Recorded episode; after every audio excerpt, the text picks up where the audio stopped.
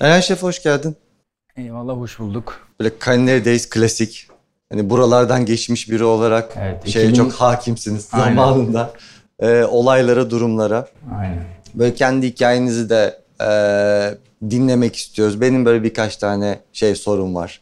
Ama ilk başta hani yeni mezun olan, staja gidecek olan öğrenciler için siz mutfağa niye daldınız? Ne, ne işiniz vardı bu şeye bulaştınız? Niye aşçı olmaya karar verdiniz? İlk şeyim bu. Soru Benim- buradan. Benim hikaye aslında ilkokulda başladı. İşte Edremit Pazarı'nda anneyle beraber. Sonra meslek lisesine gittim. Mutfak bölümü okudum. Sonra sıkıldım. Bara geçtim. Bir dönem barmenlik falan yaptım.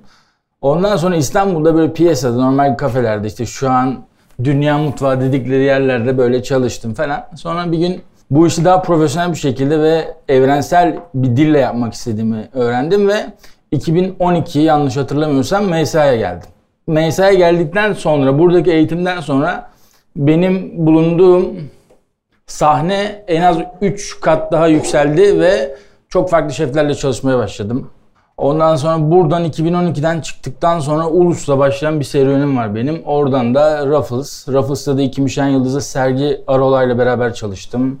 O bana çok şey kattı. Sonra kendi yolumu buldum.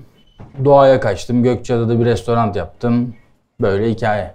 Bu şeyden sonra Gökçeada'ya gitme fikri nasıl? Çünkü zor hani şehirde öyle şefler böyle restoranlardan sonra kafayı kırıp da ya ben evet ya böyle sakin bir yere yerleşeceğim demek herkesin hayalidir. Çoğu yapan hızlıca o hayalden vazgeçer ama kalan da hakikaten kendini sürdürür orada ve yeni bir şeyler yapar. Siz kalanlardan oldunuz. Evet. Yani doğa şöyle, doğa durmuyor. Şimdi ben ilk kaçışı hikayem Ayvalık. Rafıs'tan sonra önlüğü attım ve dedim ki ben Ayvalık'a gidiyorum. Saçı sakalı uzattım. 6 ay sürdü.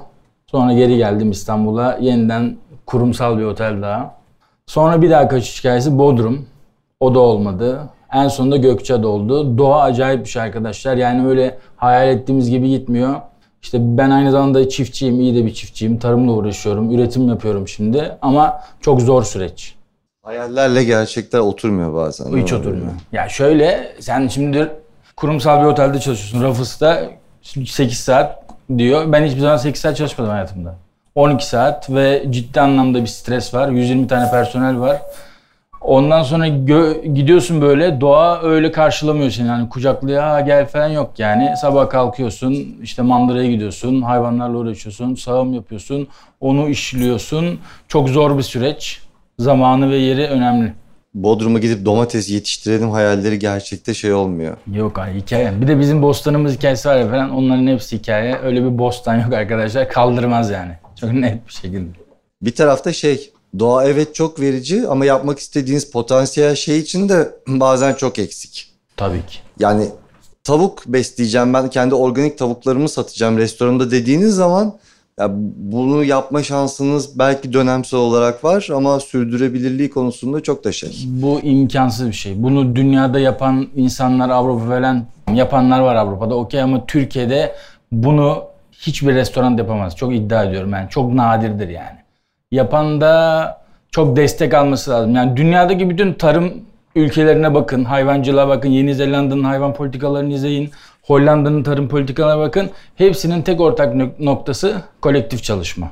Yani bu birey olarak bir restoran bunu yapamaz. Ama X 7 kişi bir köyde, Tire'nin bir köyünde mesela Tire Süt Kooperatifi Mahmut Bey bunu başardı mesela Türkiye'de. Yapan var ama çok nadir. Örgütlü bir şekilde yolu izlemek lazım. Bir de toprak verimsiz abi şu an yani. Yıllardır toprak çok zehirli. Yani Türkiye çok şey.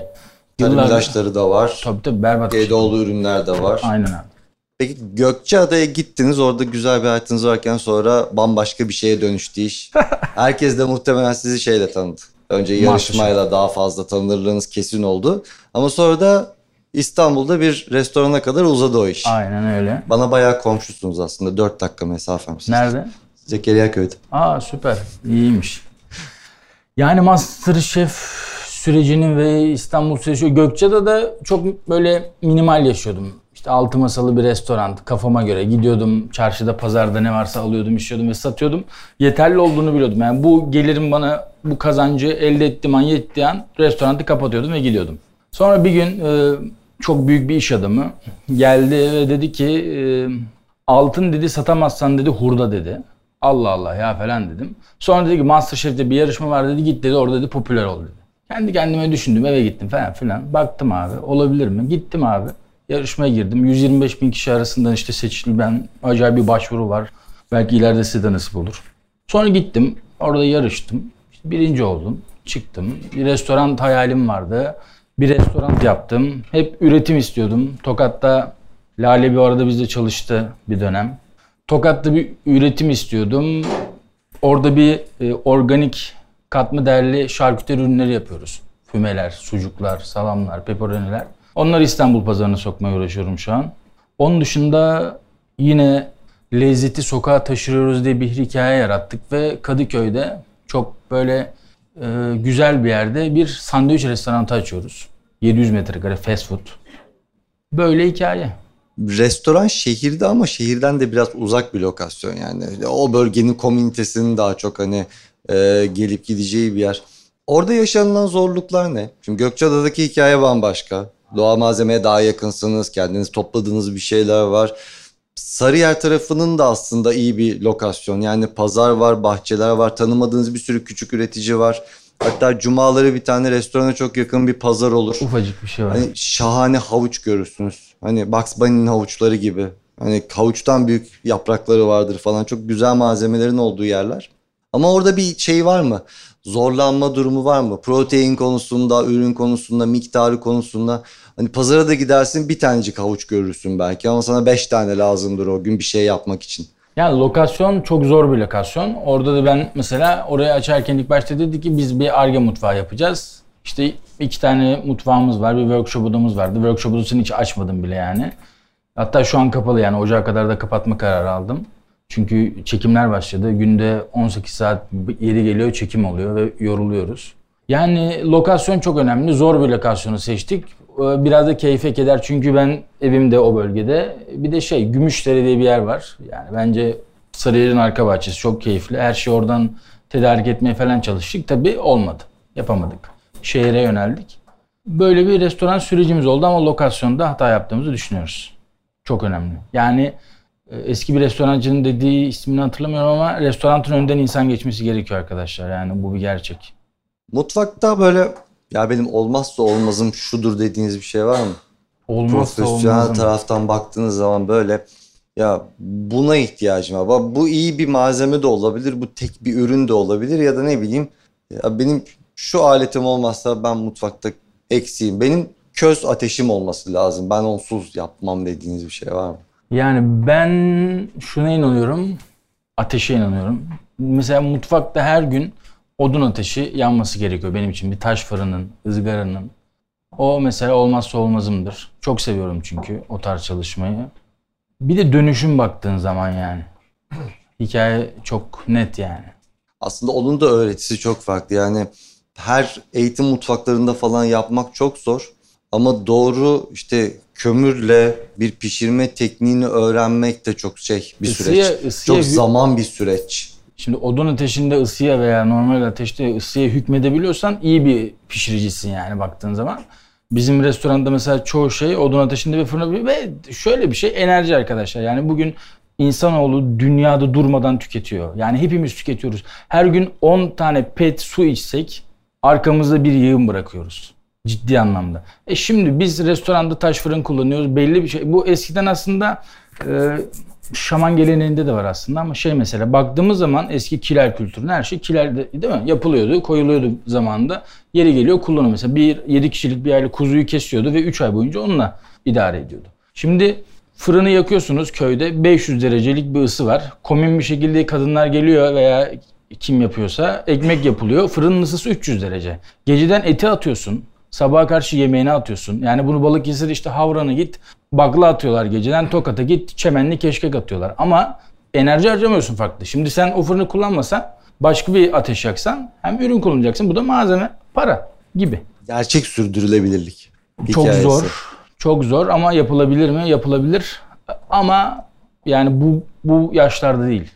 Yani benim işte şu an 34 yaşındayım değil yani. Bu yaşta o hikaye çok farklı bir hikaye. Gökçeada'dayken kaç kişiyle çalışıyordunuz mutfakta? Tek. Tek başınız. İstanbul'a dönünce hikaye biraz değişmiştir. İstanbul'da bir ara 14 falandık herhalde. 14 kişi falan vardı bir dönem. Sonra yaz dönemi 11 kişiye düştük. Çünkü bölgeden dolayı hafifledi.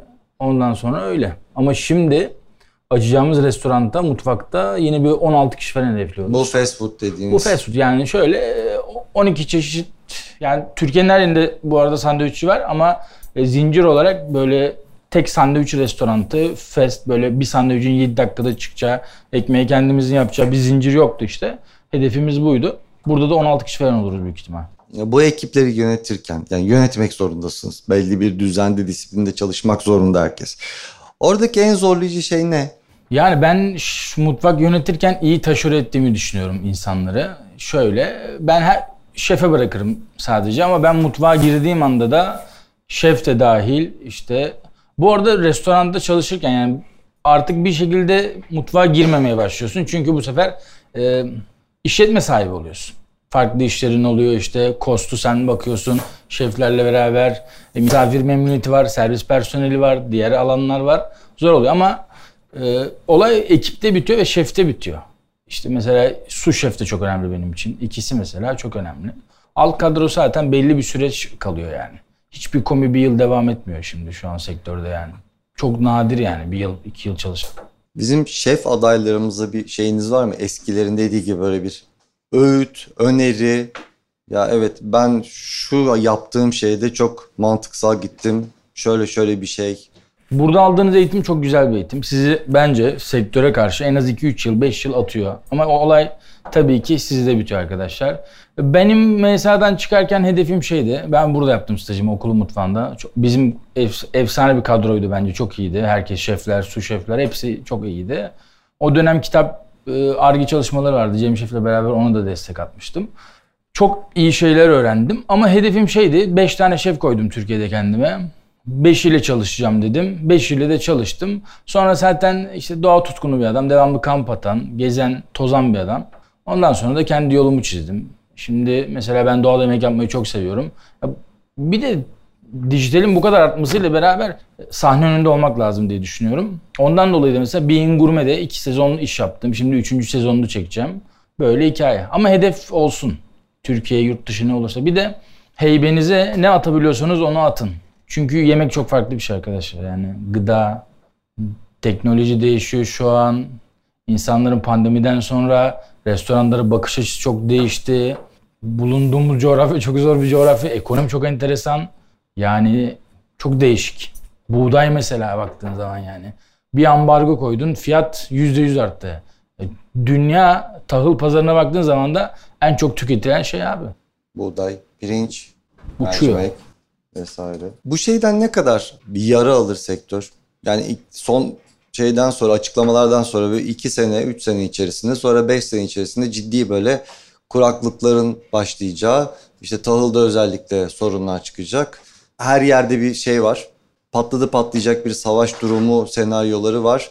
Ee, her tarafta bir deprem beklentisi var. Dolayısıyla bunların içinde böyle hani umut vaat edici bir şey var mı? Malzeme, iş, sektör Var tabii ki. vesaire.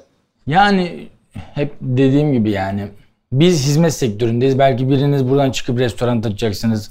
Michelin yıldızı alacaksınız, uçacaksınız. Yani bu hayatta her şey olabilir. Hayata böyle bakıyorum. Ben bu arada 3 tane de işletme yani açıp kapattım, battım ve çıktım. Hep böyle bir hayatım oldu yani. Hep inişli çıkışlı. Böyle stabil bir yolda hiç gitmedim yani. Sektör çok yer alacak. Daha da fazla yer alacak ama şunu biliyorum. Yani fast food, hızlı yemek ve sürdürülebilir ve temiz yapıyorsan bence abi dünyanın olayı bu. İyi restoran sayısı da elenecek. Orta sınıfta bir yani böyle casual işte big chef'ler, big chef'ler çok yakın zamanda bence çok vaat etmiyorlar. Çok iyi olman gerekiyor. Çok iyi restoran olacaksın ya da parayı sokaktan kazanıp fast food yapacaksın. Çünkü bugün Türkiye'de de işte Michelin Guide'e giren insanların çoğuna baktığın zaman o o iyi restoranları ayakta tut- tutabilmek için hepsi hamburger sattı. Türkçesi bu yani. Şimdi biz sandviç satacağız. Oradan kazandığımız parayla da ciddi anlamda böyle private hedeflerimiz olan bir restoran açmaya niyetimiz var. Gibi gibi. Şeyden bahsettiniz yani lokasyon önemli diye. Bir, yarın öbür gün hepsi bir kendi hayalinde muhtemelen mutfakta devam edecekse işte bir restoranım olsun, oranın şefliğini yapayım. Ee, kendi yemeklerimi, hayal ettiklerimi pişireyim. Restoran açmak nasıl bir şey? 2-3 tane de deneyiminiz var. O süreçte böyle nelerin trikleri vardı? Nelere dikkat etmek lazım? Ne yapmak lazım? Her yere göre değişir. Her insana göre de değişir. Lokasyona göre de belki değişir ama ya şunları şunları yapmak önemli bir restorancılıkta dediğiniz bir şey var mı? Ya başta lokasyon çok önemli. O en önemli şey lokasyon arkadaş. Ve doğru kafayla bir yere bir şey açmak lazım. Yani ben bulunduğum restoranda Zekeriyaköy'de oraya mesela hamburger açsaydım yine gitmezdi. Çok net yani belli çünkü. Ama biz orada mesela işte bir villa restoranı dedik. İşte hikaye başlayacağımız yer dedik. Köy dedik falan pişman. Ne bileyim yani ben danışmanlık yapmıyorum bu arada. Hiç çok geliyor ama yapmıyorum. Bir örnek vereceğim sadece. Taşdelen diye bir yer karşıda bir tane kahveci açmış. Abinin biri ve ciddi anlamda para harcamış. 12 milyon TL harcamış. İşte harcamış da harcamış falan fişman. Açmış. Selamun aleyküm. Yanına gitmiş. Çok doğru bir atak yaparak biri. Espresso Lamp'ten franchise almış. Ve adamı bitirdi yani. 300 bin dolar. Bunu, bu, bu yani matematik bu. Çok şey yapmamak lazım. Ha, ben iyiyim işte Instagram'da 400 bin takipçim var bana gelirler falan hikaye. Gelmez kimse. Nerede ne yapmayacağını da bilmek lazım. Evet. Net. Hani ne yapacağınızı hep anlatacaklar ama ne yapmayacağınızı çok anlatmayacaklardır hayat boyu. Dolayısıyla orada bir şey var. Ee, ne yapmamayı, ne zaman yapmamayı bilmek de aslında e, belki birçok öğretiden daha önemli. Sizin sorularınız var mı? Biraz soru cevaplı gidelim böyle tek taraflı olmayalım. Ben bu arada böyle dönüyorum kusura bakmayın arkamı dönmüş gibi olmasın. Buyurun. Tokat'ta başka projeleriniz var mı? Bu şarküteri orada diye biliyorum. Tokat Zile'de şarküterimiz var. Ee, üretim yapıyoruz ondan sonra. Tabii niyetim var. Kendi köyümde işte bir şeyler yapmak istiyorum. Üretim bandında. Mesela iki yıldır tohum topluyoruz işte atalık tohumları falan topladık. Yani bilmiyorum. Tokat'ı çok istiyorum. Yani kırsalı çok istiyorum. Kadın kooperatifleriyle bir şey yapmak çok istiyorum. Çok önemli çünkü. İşte Zile'de gastronom bölümü var. Oraya ara ara gidiyorum, destek atıyorum çocuklara. Buyurun. Ee, yurt dışında hiç çalıştınız mı ya da? Yok çalışmadım. Peki neden düşmediniz? Hani şunu merak ediyorum. Çünkü Türkiye birçok e, zorluğun olduğu bir ülke. Özellikle gastronominin hani bahsettik ekonomi veya üretim konusunda. Yani özel bir sebebi var mı? Tabii ki anlatayım hemen. Şimdi buradan çıktıktan sonra, MSA'dan çıktıktan sonra hedeflediğim şeflerle çalışmaya başladım. İkincisi işte Ali Ronay. Ali abiyle Rafız İstanbul'u açtık. Acayip bir kaos var. Çalışıyoruz 7-24 falan işte. İşte kurumsal kimlikte işte terfi almak işte 2 yıl falan diyorlar falan. Ben 3 ayda bir terfi alıyorum. Böyle bir hikaye var. Acayip çalışıyorum ben 7-24. Ondan sonra işte Dubai olayı var. Dubai Ruffles'a gidecektim. Ondan sonra işte eşimle tanıştım. Evlendim. Kırsala gittim. Hikaye böyle oldu. Ben 2022 mezunuyum. Arkadaşlarıma da merhabalar. Ha ne güzel. Ee, ben şeyi merak ettim. 5 şef e, hedefi koymuşsunuz ya. Diğer şeflerin isimlerini Hop hop. Mert Şeren vardı. Ali abiyle çalıştım. Maksut'la çalıştım. Şemsa ile çalıştım. Bir dönem. Bir de bir tane usta vardı. O bende kalsın. Onunla çalışmak istedim ve onun yanına gittim gönüllü olarak. Öyle bir süreç vardı. Burada eğitim alırken de Cem Şef beni Banyan'a gönderdi. Banyan vardı hala duruyor mu bilmiyorum. Ortaköy. O duruyor, duruyor? Yenilendi ama var. Ramazan Usta vardı orada. Ee, sanırım ayrıldı. Ayrıldı. Bir de burada eğitim alırken haftanın dört günü oraya gidiyordum. Banyan'a bir şeyler öğrenmeye. Uzak doğu yapıyordu değil mi? Uzak Doğu. Aynen. Asya, sushi'ler vesaireler. E, bu işte buradan Güzel çıkıyor- manzaralı falan tatlı bir restoran. Güzeldi. Ben kokoreççide falan çalıştım mesela. Yani her şeye gittim, çalıştım. Görmek istedim. Buyurun. Masterchef için peki atıyorum 5 sene sonra gitmek istediğim zaman cebinde ne olması gerekiyor? Ünlü olmak istiyorsan git. Çok basit yani. Dedin. Olmak için değil ama hani tanınabilirliğimi artırmak için. E, ünlü demek işte. Yani ya, Türkçesi ünlü olmak başka bir şey değil. Yani, Patates sevmiyorum ama patates kızartması yemek istiyorum. yani farklı bir platform arkadaşlar. Televizyon çok farklı bir şey. Yani insanlar anlatıyor böyle çok zor yani. Orada yemek yapmak çok zor. Mesela ben mutfakta 18 saat, 20 saat hiç bana mısın demem yani çalışırım. Koordine de ederim ama o kadar kamera, o kadar ışık kolay işler değil yani zor işler. Bana çok şey kattı. Ben mutluyum yani. Şimdi mesela yine devam ediyor program. Yine yoğun bir süreç var. İşte Doğan'ın Ateşi değil mesela Dijitürk'te, Beyin Gurme'de bir program yaptık. Mesela o da çok keyifli. Sinem de orada bir şeyler yaptı. Ben geçen gece denk geldim. Yani muhtemelen tekrarıydı ama şey Ee, bolognese, erişteli. Aa şeyde yaptım. Erişte değil ne biliyor musun abi o? Ee, Tokat'ta Zile'ye özgü sadece. Bu arada Tokat 17 tane uygarlığa başkenti yapmış bir şehir yani ben çok önemli benim açımdan. Teker kıyma diye bir kıyma var kavurma. Ee, Onu eskiden bizimkiler yapardı. Kıymayı zırhtan ondan. Aslında baktığın zaman domatesi biri birleştirdiğin zaman bolognese gibi bir şey oluyor. Acayip bir ürün. On, ondan bir şey yaptım. Lazanya yapmıştım. Onu görmüştüm evet şey diyordun hatta. Hani kavurmanın lezzetli bir şey olduğu aşikar orada. Hani e, tepsiyi de koydu piştikten sonra şey ne dedin? İtalya bak işine dedin. Ha, demişim. Ya da bu bolognese bak işine dedin galiba ikisinden bir tanesiydi. Evet, Böyle uzayan bir peynirle falan gecenin ikisinde şey gelmedi. güzel gelmedi ama hani çünkü yemek istiyorsun. Yani güzel gelmedi derken. Mutfak şeyi tamam hani herkesin bir kendine göre hedefleri olacak vesairesi olacak ama o orası birazcık şey. Başka bir dünya ve o dünyayı kendin yaratıyorsun. Evet. Yapmak istediğin yolu kendin çiziyorsun. Sinem Şef geldi işte bir sürü farklı alanlarından yaptığı işten bahsetti. Yani Flying Şefliği de var bunun. Dünkü konuşmada da vardı hatta Doko'dan bir şef geldi orayı anlattı vesairesi.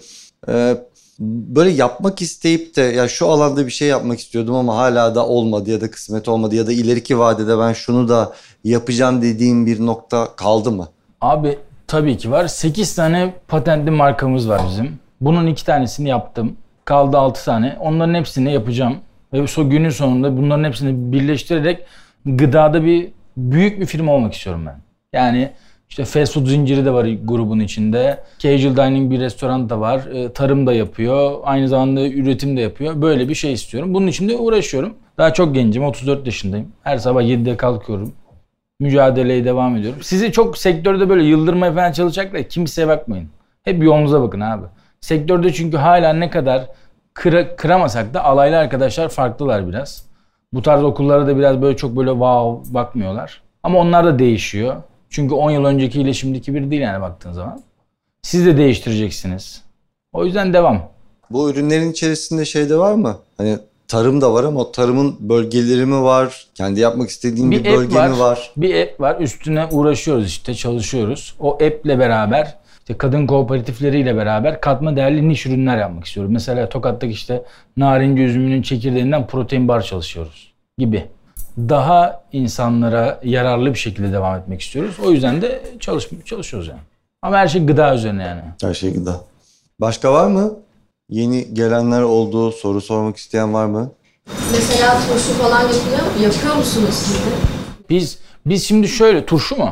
Yani mesela Tokat'ta mesela çok farklı şeylerden mesela bu eee, çok nasıl diyeyim iğne yapraklı bir şey var mesela onun saplarından turşu yaprağından da sarma yapıyorlar mesela. O kadar kullanılan bir sürü şey var ki orada bitki var ki mesela. Ya şey işte aslında baktığın zaman o, o bölgenin şeyi Tokat. Ee, Sivas'ta falan zaten böyle çok tarım yoktur. Kuraktır biraz da işte. Erzurum'a gittiğin zaman eksi 18'leri gördüğün zaman soğuk oluyor ama Tokat bayağı üretim yapılıyor. Şöyle biz taşöre ediyoruz çoğu şeyi. Yani biz reçeteyi oluşturuyoruz. Ondan sonra işte bunu kadın kooperatifleri yapıyoruz daha çok. Gidiyoruz ki ablacığım bize bunu yap ve onlar yapıyorlar. Biz onlardan alıyoruz. Kendi markamızla beraber satıyoruz. Taşöre. Yani tek başımıza hiçbir şey yapmıyoruz. Hep bir yerde ortağımız var. Çünkü on, yetişemiyoruz. Yani kimse yetişemez. Olay Gökçeada'daki altı masalık restoran da değil artık yani. Orada küçük çocuklar bile mesela ben hatırlıyorum yaparlar mesela böyle ne bileyim böğürtlen toplayıp mesela onlara yağ bidonlarını böyle böyle doldurup mesela inerler mesela merkeze ya işte reçel yaptırıp satıyorlar. Ya da bir kişi onlara para veriyor işte sen benim için topla diye mesela atıyorum 8-10 kilo toplayabildiği kadar topluyor götürüyor onu. Ama bir şeyler yapıyor mesela. Onları mesela görüyorum. Oluyor. Anadolu'nun her yerinde oluyor bu arada. Yani. Anadolu lebi derya deniz. Sorun buraya getirmekte biraz. Sonra da kullanmakta. Yani, Yani- o tedarik zincir kısmı eksik, üreten eksik. Mesela bugün şeycilerden işte konuşmacılarımızdan bir tanesi Tangör birazcık onunla onları da konuşacağız ama Çok severim kendimi. ee, hani şey hikayeleri de var. Mesela köyde ücra bir yere gidiyor. Bir tane malzeme buluyor. Onunla ahbap oluyor. Ee, düğünlerine çağırıyorlar çocuklarının tangörü. Gidemiyor, iş oluyor falan. Küsüyorlar, malzeme vermiyorlar restorana. Ben size bir hikaye anlatayım mı? Şimdi bundan kaç yıl önce? Pandemiden önce Gökçeada'dayız. tohumlarım var falan. Arjantin'den oradan buradan her yerden tohum toplamışım falan böyle. Instagram'da da 2000-3000 takipçim var. Şey diyorum işte bunu alacağım. İşte gittim Eşelek'te bir köy var Gökçeada'da. Gittik e, kö- köydeki ablamız dedi ki benim tohumlarla ek bana falan işte. Sonra ben katma değerli bir ürün yaptım kavanoz 100 kavanoz ve 50 liraya satanlara ben o gün 500 liraya sattım çünkü çok iyi ürün. Ve %100 doğal yani. Ondan sonra ya dediler ki bu, bu İstanbullu yaparsa ben de yaparım dediler. Bütün köy aynı şey yapmaya başladı. Yani Türkçesi belli abi. Köylü kurnazlı diye bir gerçek var. Yani enteresan. O yüzden hukuksal süreçte her şey sözleşmeli. 5 yıl bana öğretiyorsun. Devam ediyorsun. Şimdi böyle ilerliyoruz. Kendini güvene almak zorundasın oralarda. Ne yazık ki. Ne yazık ki. Nerede Anadolu köyü istiyordu? En çok sevdiğin şey ne böyle? Ya bu e, malzemeyle çalışmayı çok seviyorum dediğin. Ürün. Ürün. Mercan Köşk. Bayılırım. Mercan Köşk. Tabii. Acayip bir şeydir. Çok severim yani. Ben ot seviyorum. Taze ot böyle bayılırım. Mercan Köşk'e mesela bayılırım. İşte onun yağını falan çıkartıp böyle bir şeyler yapmak istiyorum. Bir de şey mesela bu tarz ürünler, çalı ürünler işte mercan köşkür, kekiktir, adaçay falan kuru tarım diye bir şey var mesela su istemeden büyüyor. Doğanın bir lütfu işte güneşi işte permakültür tarım var belki ilgilenen vardır bilmiyorum ama ben permakültür tarımla da ilgileniyorum falan işte güneş enerjisiyle açıyı belirleyerek dikiyorsun Ee, bir taş işte koyuyorsun o orada buhar yapıyor yeniden kökleniyor falan böyle şeyler istiyorum. Yani hep bir geri dönüşüm istiyorum aslına baktığın zaman. Bunu da yaparken ciddi anlamda böyle minimal değil ama büyük bir şekilde istiyoruz yani. Yani herkesin sofrasına gitmesi lazım. Katma değeri de olsun tabii işte. Net. Piramidin en üstündeki zaten dünyanın neresine gidersen git alıyor abi sıkıntı yok. Yani o piramidin 100 ailesi 100 ailesi. Onun altına inmek lazım bence. Daha ulaşılabilir. Net. Daha belki ucuz. Tek başınıza çalıştığınız dönemde en çok zorlandığınız şey ne olmuştu? Hiçbir şey olmadı vallahi ya. Çok rahattım yani. Çok çok rahattım yani. Torşunu atıyordum omzuma. Yapıyordum bir şeyler iki meze. Gelen zaten tanıyordu Gökçeada'da. Yani 10 bin nüfuslu bir yer Gökçeada. Şey değil. Abi hoş geldin. Ne vereyim? İşte şunu ver. Bir şişe şarap. işte iki üç tane meze. Bir tane ben ne verirsem yemek. Oğlak yapıyordum genellikle. Al abi. Tamam yani böyle bir hayattı. Çok da keyifliydi yani. Artık öyle bir şey yok tabii ki. Tarımla fast food'u nasıl bağdaştıracaksınız? Yani tarımla fast food'u şöyle işte nasıl bağdaştıracağız? Çok güzel bir soru aslında baktığın zaman. Ekmeğimizi kendimiz yapacağız. Buğdayımızı öğütemeyeceğiz yani o hikaye yalan işte öğütüyoruz mu öğütüyoruz yapamazsın. İyi bir unla kendi ekmeğimizi yapacağız. Şarküteri ürünleri kendimiz yapıyoruz zaten. Sadece orada katma değerli işte bu e-kodları ben- şimdi şöyle anlatayım sana sosis yapıyoruz biz. Biz 100 kilo etten 100 kilo sosis alıyoruz. Hatta 98 kilo file veriyoruz. Kuzu bağırsağına sarıyoruz. Ben bunu hamur sosis yapsam 400 kilo alırım. Parayı görüyor musun? Şimdi ben bunlara e-kod koymuyorum. Benim hiçbir ürünümde e-kod yok. 6 ay içinde eğer vakumlu torbasından çıktığı bozulur. Ama ben bugün iyi bir jambon yaptığım zaman e-kodlu 3 yıla kadar SKT veriyorum. Yani aslına baktığın zaman kapitalizm bunun ucu çok açık ve artık çok büyüğüz yani. Şimdi baktığın zaman baban 10 kardeş, onun çocuğu doğurmuş, iki tane insanoğlu doymuyor ve devamlı tüketiyor. Buna da gıda zaten çözüm bulamıyor. Bu sefer de e-kodların işin, işin içine giriyor. Biz onları kullanmayacağız. Kullanmıyoruz da. Bugün köylerde yetişen her ürün ağaçta, toprakta organik veya doğal değil arkadaşlar. Organik ve doğal kavramı çok farklı bir şey. Yani bugün aldığımız bütün tohumlar ektiğimiz köyde hibrit. Yani İsrail tohumu baktığın zaman. Atılık tohum yaptığın zaman yani bu seneki aldığın ektiğin hibrit tohumu da seneye bir daha eksen o da kimyasal. Ben şey zaten salatalıklar yamuk oldu. Daha potasyum vuralım. Hani bu şekilde yapalım. Gübresini değiştirelim. Zaten hani o doğallıktan şey hiçbir şekilde hiçbir yerde yok da benim daha çok sormak istediğim tarımı yaparken bir taraftan da food işleyişini nasıl Şimdi yıllardır Türkiye'de ve dünyada fast food'a böyle bir kötü bakılıyor. İşte fast food, hamburger bilmem ne falan. Biz do- ürünümüz doğru bir kere. Yani şey algısı var. Fast food sağlıksız algısı. Yok, fast food sağlıklı bir şey baktığın zaman. Yani evet McDonald's yiyorsan evet abi sağlıksız çünkü ürün belli.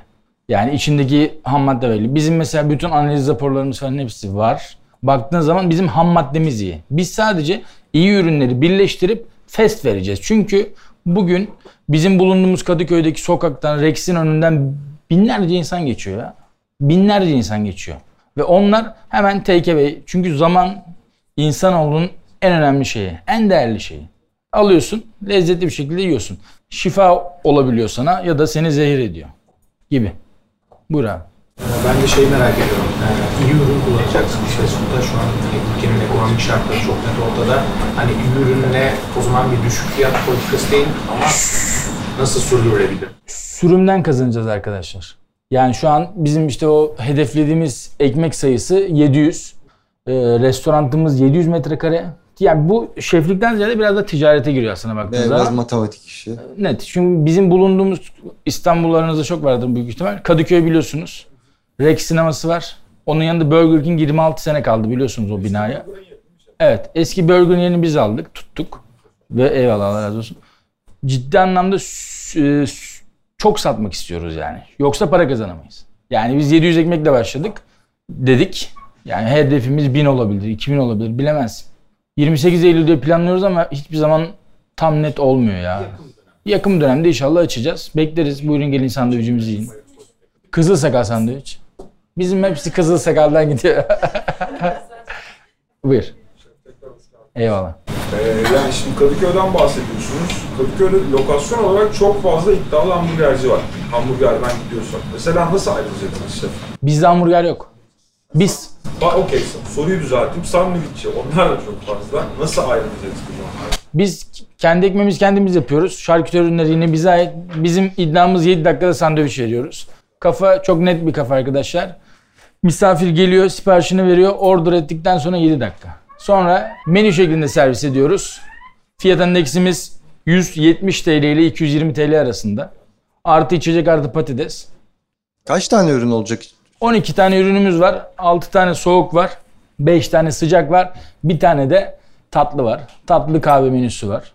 Böyle bir şey. Bir de bu iş yani artık hepimiz tabii yani dataları belli arkadaşlar. Trendyol yemeğe gidin. işte Migros'a gidin. Getire gidin. Diğerlerine gidin. Çok belli abi. Gidiyorsun. Diyor ki en prestijli nokta X yer. Bir de Amerika'yı yeniden keşfetmeye gerek yok bence restorancılıkta. Yani fast, hızlı kısımda. Evet. Buyur abi. Ben mesela biraz hayal kırıklığım kırıklığımla alakalı konuşacağım. Buraya gelen bütün şefler mesela hani ben buraya ilk geldiğim zaman hani her şey, buraya gelen her fine dining hayalim vardı. Tamamıyla kalmadı. Bizim de vardı. Benim de vardı. Ben son dönemde çok radikal kararlar verdim hayatımda. Yani mühendisliği bıraktım, tekstile başladım, tekstili bıraktım, buraya başladım. İyi yaptın. Şimdi yine çok radikal bir karar verip stajı bile İstanbul'u terk edip Altınoluk'a yerleşmeye karar verdim. Altın nokta nereden yapacağım? Altınoluk'ta Güre'de, Gordo'da. Gordo restoran diye bir restoran var Deniz Şef. O sağ olsun çok destek oldu bana. Stajı niye yapıyorsun ya? Bence- Stajı yakacağım mı dedin? Yok yok. Orada yapacağım dedi. Yapacağım. Yapmayıp Ha. orada yapacağım. Tamam. İstanbul'u terk edeceğim dedim. Şu an o bile herkes o kadar çok her gelen şef fast food, fast food, hamburger, sandviç dedi. E, dün de Cihan vardı çünkü Kıpçak. Üryan Var. vardı. Çok belli abi net O kadar yani. şey oldum ki böyle yani bütün şeyim değişti. Abi bak fine dining diyorsun ya. Şimdi biz kuralım bir fine dining restoran. Kurduk abi. 20 tane aşçı aldık abi. Sana kafa başı maliyeti 20 bin TL. Artı bir şeyler daha var 30 bin TL. Baktığın zaman abi 1 milyon zaten mutfak personeli. 1 milyon servis personeli. Çok iyi bir hizmet vermen gerekiyor. Senin selamun aleyküm dükkanı açtığın zaman günlük 200 bin TL para kazanman lazım. Öyle bir fine dining restoran yok abi. Ama yani hamburgerden para kazanıp iyi restoranlar hep böyle gitti Türkiye'de. Şey, şunu fark ettim tamamıyla yani e, şefler şef kariyeri yapıyorlar. İsim yapıyorlar ama tamamıyla isim için yapılan bir iş olduğunu fark ettim yani. Ya öyle. Mesela 2005 Mikla'nın açılış yılıydı. Ben açılış ekibindeydim. Ondan önce çok zaten çalıştım. Lise falan. Hani Mehmet Gürsün bütün restoranlarında çalıştım ben. Şeyler, namlamlar hariç. Yani Downtown, işte Nuteras, Mikla hepsinde vardım. Şöyle bir akıl olunca idare ediyor. Evet yapmak istediğin şey var, hayatta kalmak istediğin şey var. Çok akıllıca bir noktada şöyle gitti iş. Mikla daha açılmadan önce namlamlar zaten Mehmet Gürsün'ün ortaklığındaydı. Zemin hazırlanmış. Dolayısıyla orada bir fast food'tu o. Baktığınız zaman hani şey gibi işte kırıntı neyse, Big Chef neyse onun ayarında belki daha hani kaliteli ya da sunumu bilmem ne sağlıklı yemekler sunan bir yerdi. Ve bir sürü şube olan bir yerdi. Dolayısıyla orada bir şey vardı. Hani hayatı devam ettirici bir unsur vardı ama bir tarafta da evet prestij mekanı olan bir yer vardı. Hani böyle bir alan yaratabiliyorsan sürdürülebilirliği biraz daha kolaylaşmaya başlıyor işin. Ama tek bir hayalim var işte yıldız, la liste gireceğim, bilmem ne olacağım, bir restoranda çalışmaya başlayacağım dediğin zaman ya da sahibi olacağım, kuracağım dediğin anda iş çok değişmeye başlıyor. Yani o işin resmen kölesi olmaya başlıyorsun. Yani esnaf oluyorsun. Evet. O da bence 50'den 60'tan sonra ya. Gerek yok arkadaş. Daha çok gençsiniz yani hepiniz. Çok teşekkür ederiz. Ben teşekkür ederim. Geldiğiniz için, Eyvallah. paylaştığınız için.